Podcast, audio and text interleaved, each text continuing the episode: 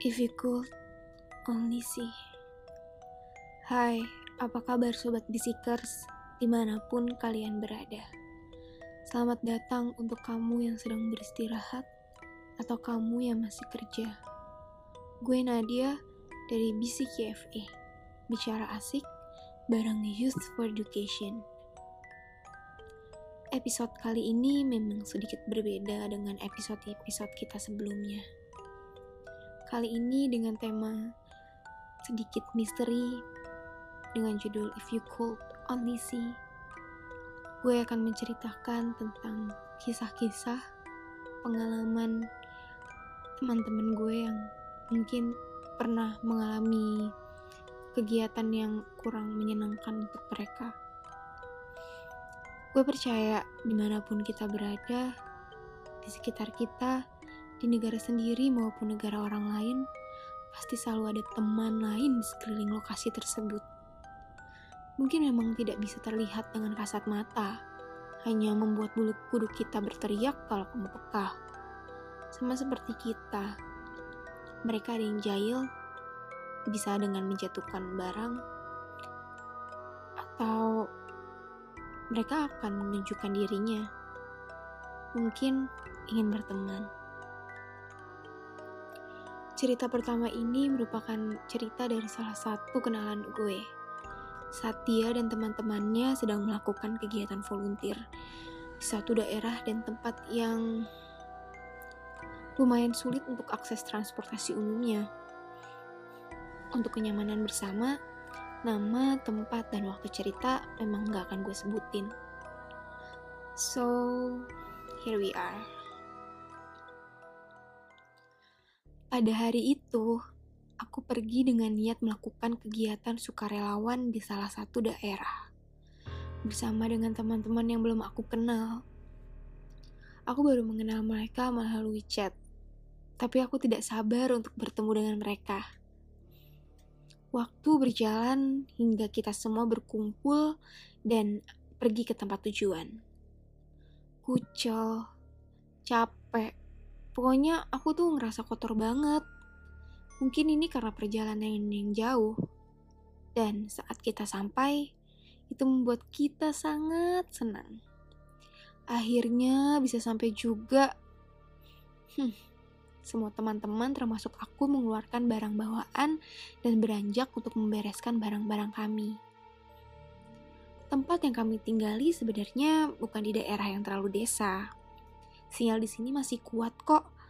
Dan kami menginap di salah satu bangunan gedung instansi yang pastinya ramai di pagi hari karena datangi banyak orang. Namun semakin sore semakin menyepi. Entah mungkin memang suasananya seperti itu, atau memang karena bangunan tersebut tidak dekat dengan rumah warga. Ya, ada beberapa ruko, cuma ruko tersebut akan tutup jika malam hari. Dan sisanya hanya suara burung yang berada di sawah membentang di sekitaran gedung tersebut. Sesekali sih ada kendaraan yang lewat, walaupun tidak banyak. Luas sekali lokasi tersebut. Karena satu komplek terdiri dari beberapa bangunan tingkat dan lapangan yang besar. Kami akhirnya ditempatkan pada salah satu ruangan yang paling belakang. Kami sampai bertepatan saat azan maghrib. Dan saat aku baru menaruh barangku turun dari mobil, terlihat ada beberapa dari mereka yang menyambut dari jendela ruang atas kamar kami dan pohon-pohon sekitar ruangan kami. Awalnya aku kaget, gak nyangka aku baru sampai dan langsung disambut dengan mereka. Padahal ini tempat sudah jauh berbeda dengan lingkunganku. Tapi ya, sudah biasa, sudah menjadi makanan sehari-hari. Hari-hari awal aku memang merasa tidak nyaman, karena mereka selalu menunjukkan wujudnya walaupun kadang hanya dengan bentuk abstrak kepadaku. Bahkan aku gak berani sekedar untuk membersihkan diri. Maklum, setelah rentetan kegiatan, aku baru bisa beristirahat hampir di tengah malam hari, di mana mereka keluar dari singgah sananya. Namun, akhirnya itu menjadi hal yang biasa karena aku pikir itu tempat mereka. Dan mereka juga baru melihat kita. Mungkin mau kenalan. Hingga pada hari kesekian, setelah kegiatan kami kedatangan warga setempat. Dan akhirnya kami mulai berbincang mengenai tempat tersebut, daerah tersebut, lalu beliau juga bercerita tentang pengalamannya. Sebut saja nama orang itu Biakta. Namun ini bukan nama sebenarnya ya. Biakta pun mulai bercerita tentang pengalaman horornya. Di situ kami sebenarnya sudah mulai takut. Ada dari mereka yang setuju cerita dilanjutkan, tapi ada beberapa dari mereka memilih untuk di stopkan. Tapi akhirnya bincang-bincang tersebut tetap dilanjutkan dan sampai saat dia menunjukkan salah satu tradisi daerah tersebut dan lantunan musik mulai diperdengarkan tiba-tiba aku melihat sekerombolan kaum mereka datang sumpah aku takut aku bisa melihat bagaimana ketidakwajaran cara mereka meninggal meskipun mereka terlihat rapi dengan baju adatnya dan rambut yang disanggul semakin keras lantunan lagu semakin banyak mereka datang menghampiri. Diperparah lagi oleh tingkah laku rekanku yang membuat mereka murka. Aku yang bisa mereka lihat, semakin lama semakin tidak nyaman. Mereka terus mendesak hingga membuatku kesulitan bernafas. Datang dengan kawan-kawannya dan membisikkan kalimat yang sama sekali aku tidak mengerti. Aku teriak. Aku pindah dari tempat awalku teman-teman sekitarku bingung apa yang terjadi terhadap diriku. Dan sampai salah satu dari temanku akhirnya membawa, membawa aku keluar dari ruangan tersebut. Sekuat tenaga, aku melawan segerombolan makhluk tersebut yang ingin menguasai diriku. Seluruh energi akhirnya aku gunakan, dibantu juga oleh orang tuaku yang kebetulan bisa aku hubungi saat itu untuk meminta doa. Karena bukan aku saja yang ingin mereka serang, tapi juga rekanku yang tadi membuat masalah dengan makhluk tersebut. Dengan kekuatan doa dan energi yang kukeluarkan untuk melawan mereka, akhirnya mereka lepas dari tubuhku. Kejadian tersebut sangat jelas diingatanku.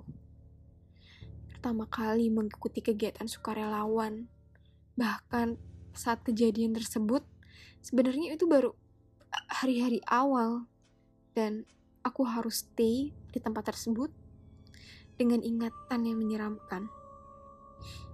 Padahal ini baru pertama kalinya aku mengikuti kegiatan sukarelawan yang jauh dari tempat tinggalku. Awalnya ingin sekali aku membawakan cerita yang menyenangkan, namun ternyata cerita ini harus dinodai dengan kisah yang